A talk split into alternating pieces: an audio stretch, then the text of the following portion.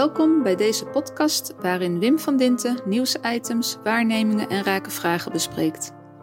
Veel zaken worden pas echt interessant als je dieper graaft en daar kom je altijd een laag van betekenisgeving tegen. In de podcast van deze week hoor je het audiospoor van de vlog van Wim van Dinten waarin hij nog een keer ingaat op de toeslagenaffaire. Meerdere ministeries en organisaties, de Raad van State, de Tweede Kamer, de regering gingen de fout in. Wim vertelt hoe je via het herkennen van vormen van betekenisgeving deze toestand kunt overzien. En kun je hem dan ook veranderen? Ja, vorige week na de vlog kreeg ik veel commentaar. En bij dat commentaar was er ook een vraag van Ilse. Ze zei, meneer Rutte, die heeft nadat de slachtoffers 30.000 euro kregen gezegd dat de volgende stap zou zijn om dit soort problematiek te voorkomen. Maar ik dacht dat ik had gehoord dat het een toestand was. En een toestand kun je toch niet even met één ingreep veranderen. Dat, dat is een situatie waarbij heel veel tegelijkertijd moet veranderen. Uh, hij heeft dat kennelijk niet gezien. Kortom, wat, wat is een toestand en hoe ziet die toestand er dan uit? Dat uh, was de vraag van Ilse. Mooie vraag, Ilse, mooie vraag. Ja, het is waar dat het een toestand is, omdat je ziet dat niet alleen de ambtenaren bij de Belastingdienst in de fout gingen, maar ook de Raad van State, de rechters, de politici, de Tweede Kamer, de regering. Dat is dus niet één groepje of één organisatie. Dan ziet het eruit als iets wat algemeen is. En in die vorige vlog vertelde ik dat je dat patroon ook nog kunt herkennen in allerlei andere vormen en in allerlei andere sectoren. Het is een manier van kijken die zo algemeen is, dat je die niet kunt veranderen door bij één organisatie te beginnen, bijvoorbeeld bij de Belastingdienst. Dan is de vraag of je herkent wat dan essentieel is in die toestand en wat je dan, hoe die toestand is ontstaan en wat je dan daarin graag zou willen veranderen. Ja, dan kom je toch weer terug bij vormen van betekenisgeving. Die heb ik vorige keer uitgelegd, maar ik herhaal ze nog graag, maar dan wellicht weer op een iets andere manier. Mensen zijn in wisselwerking ontstaan en zijn in wisselwerking met hun omgeving. En, en wat is dan die wisselwerking? Dat is dat je steeds kunt veranderen. Dat je, als jij iets verandert en dat teruggeeft aan de omgeving, dat je dan dat herkent en dat je daarop weer verandert. En je ziet dan ook dat er allerlei invloeden zijn die leiden tot veranderingen. Al of niet zie je die of je voelt ze. Dat, dat is wisselwerking, het proces van permanente verandering. Dat is ook wat anders dan communiceren. Communiceren gaat over taal en woorden. Dus als ik nu iets vertel, dan ben ik niet met u, kijker, luisteraar, in wisselwerking. Ik vertel iets in taal, maar de aanpassingskwesties zijn onmogelijk tot stand te brengen. Hopelijk helpt dit u iets Um, en een antwoord of een vraag van u helpt bij ook weer iets. Maar het is communicatie. Communicatie is de talige vorm van wisselwerking. En taal is een rationalisatie. Om dat goed te zien en te herkennen, uh, kun je bijvoorbeeld eh, zien wat er gebeurt met een dove. Heel veel dove mensen kunnen alleen maar herkennen wat ze zien en is de taal die ze gebruiken dan ook helemaal situationeel. Dat wat wij waarnemen met onze oren als iemand buiten de kamer is en niet zichtbaar is, is voor een dove niet waarneembaar. Seks, de neuroloog, heeft daarover een boekje geschreven, Stemmen zien. En dat ging over een jongen die doof was en niet werd herkend dat hij doof was, dus men vond hem dom. En hij werd ook als dom behandeld. En geleidelijk kwam men erachter dat hij helemaal niet dom was maar dat hij allerlei kwesties niet tot zijn beschikking had, die voor een dove heel moeilijk toegankelijk zijn. Bijvoorbeeld het gebruik van gegeneraliseerde dingen die niet in de situatie zitten en die wij gewoon gebruiken. Dus een vraag die uitgaat van iets gegeneraliseerds, niet situationeel is, is voor een dove bijna niet te beantwoorden. Hij kent alleen maar situationele manieren van kijken en daar gebruikt hij ook woorden voor. Als je, er is een bekend verhaal van uh, Indianen die uh, wilden men leren om met woorden zaken in hun omgeving te herkennen. En die wilden men het woord boom leren, B-O-O-M. En ja, die, zei, die, Indianen die zeiden op een moment, ja, ben je nog gek geworden? De boom is voor ons die boom die daar staat, waarin wij onder de schaduw zitten, waar vruchten aankomen, waarin de vogels zitten. Ben je gek om te generaliseren? En, en je ziet dat taal, als je daarmee begint, dat het dan inderdaad situationeel zich ontwikkelt, dat het bij de Indianen ook situationeel gebleven is. Maar dat op het moment dat wij taal gebruiken zoals we dat bij de Indianen wilden leren, het een gegeneraliseerde vorm is, waarin je het situationele kwijt bent. Nou, in wisselwerking zijn en steeds kunnen veranderen is dus iets anders dan communiceren. Taal gebruiken wil zeggen al dat je wat in wisselwerking gebeurt al rationaliseert.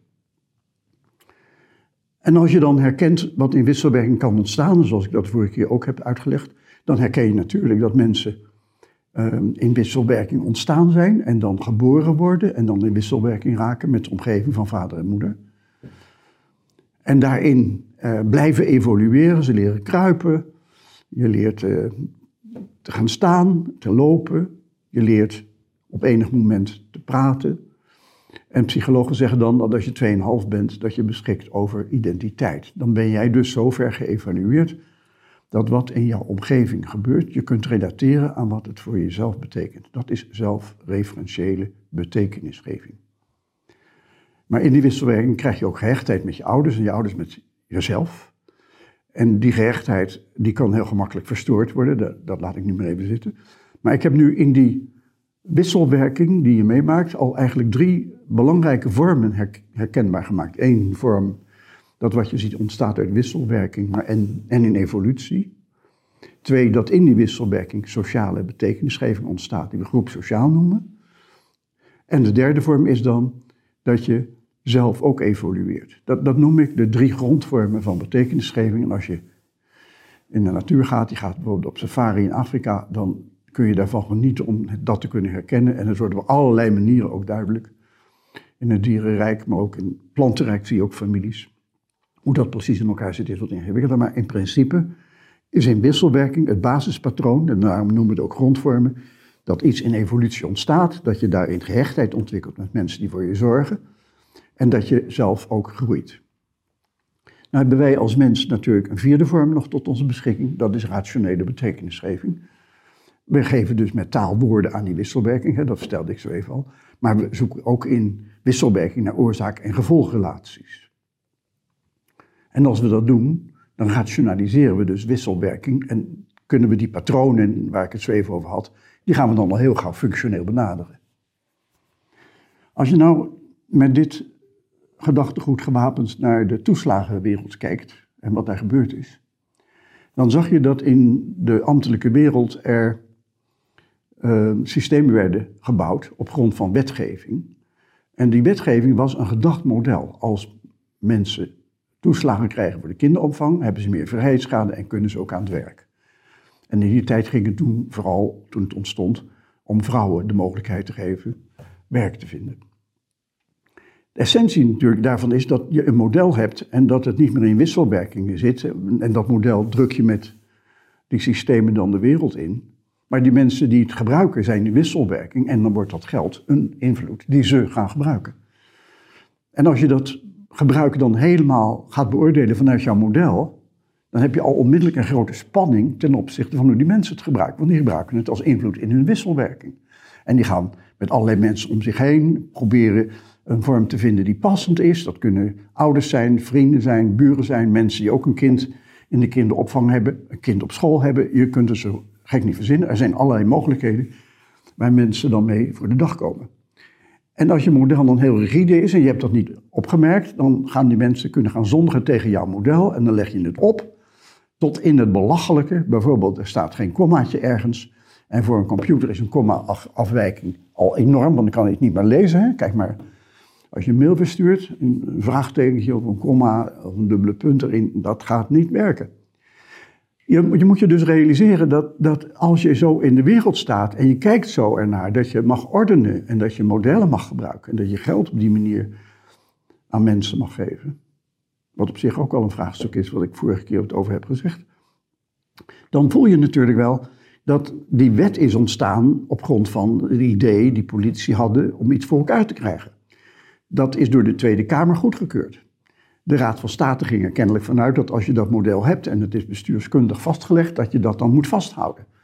En zelfs de rechter die bemerkte, die klachten kreeg, moest toch hebben kunnen bemerken dat het model niet werkte zoals bedoeld was. Maar nee, ook hij ging mee met het idee dat het een model was en dat je dat kunt opleggen en dat mensen zich daarnaar moeten gedragen. De toestand die er dus is en was, en was en is, is dat mensen zo rationeel zijn en zo uitgaan van modellen, dat als je dan denkt dat te kunnen veranderen met de, bij de Belastingdienst alleen, dan hou je nog steeds de Tweede Kamer over. Je houdt de Raad van State over, je houdt de politici zelf over, die in de regering zitten.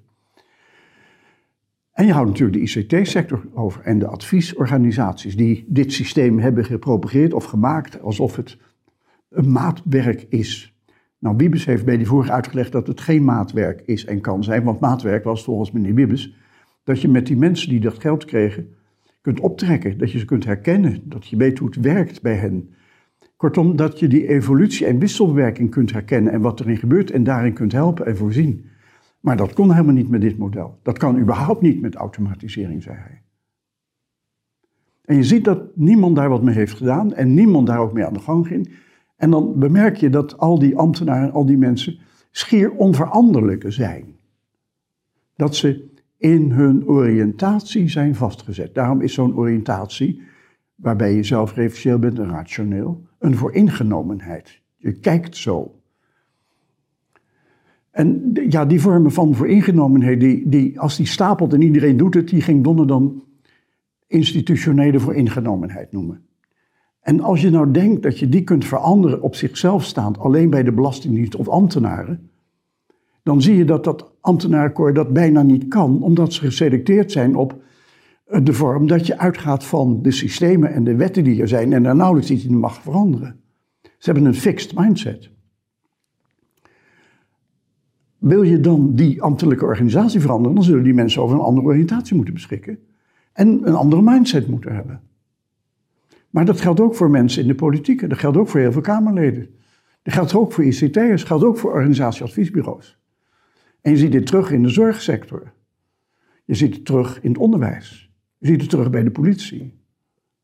Toestand. De toestand is dat wij zijn gaan denken en kijken en ordenen met systemen. En dat wij vinden aan de overheidskant dat wij dat weten en kunnen weten en dat we dat mogen opleggen. En we zijn kwijt wat Wiebes noemde, dat je uitgaat van de context van mensen, waarin je niet kunt automatiseren. Ik heb in het eerste vlog daar al iets over verteld, dat dat een verdienmodel geeft, wat voor organisatieadviesbureaus niet te pruimen is. Want je inkomen loopt hard terug, want als je mensen hebt die mee gaan werken met degene die ze moeten helpen en bedienen, dat levert niet veel anders op dan het inkomen van die mensen zelf. Ga daar dan maar eens aan staan om dat te veranderen. Als je dit eenmaal ziet en herkent dat dit een toestand is, dan herken je ook dat je niet mag verwachten dat als het bijvoorbeeld gaat over het milieu of over andere kwesties die te maken hebben met de oriëntatie van mensen, dat je dat zomaar kunt veranderen. Dan is de invloed van technologie groot en de invloed van artefacten groot. En dan is de vooringenomenheid van mensen een vaste rem om vast te houden aan wat ze hadden. En dan kun je misschien die oriëntatie wel wat verbreden door sociale betekenisgeving en evolutionaire betekenisgeving ook voor hen herkenbaar te maken. Maar dat is een hele ingewikkelde weg die heel veel mensen ook niet eens willen afleggen. Dit is de toestand waarin we zijn geraakt. En meneer Rutte heeft daar een hoofdrol in gespeeld. De mensen die daarin een hoofdrol hebben gespeeld en een hoofdrol spelen, zijn de laatste die het kunnen veranderen. En mij gaat het dan niet om die mensen, maar om het feit dat als je met een bepaalde gedachtegoed, een bepaalde denkbeeld, een oriëntatie, een ordening hebt gemaakt en die blijkt niet te werken, dan kun je niet met die mensen die dezelfde oriëntatie hebben, die ordening veranderen. dat gaat wel even anders. Dat zit veel dieper. Waarover een volgende keer. Ben je nieuwsgierig geworden naar de vlog van deze podcast? Klik dan op de link die je vindt in de omschrijving. Kom je iets tegen waar we met elkaar eens grondiger naar moeten kijken? Laat het ons weten. Stuur een berichtje naar czen, of via Facebook, LinkedIn of Twitter.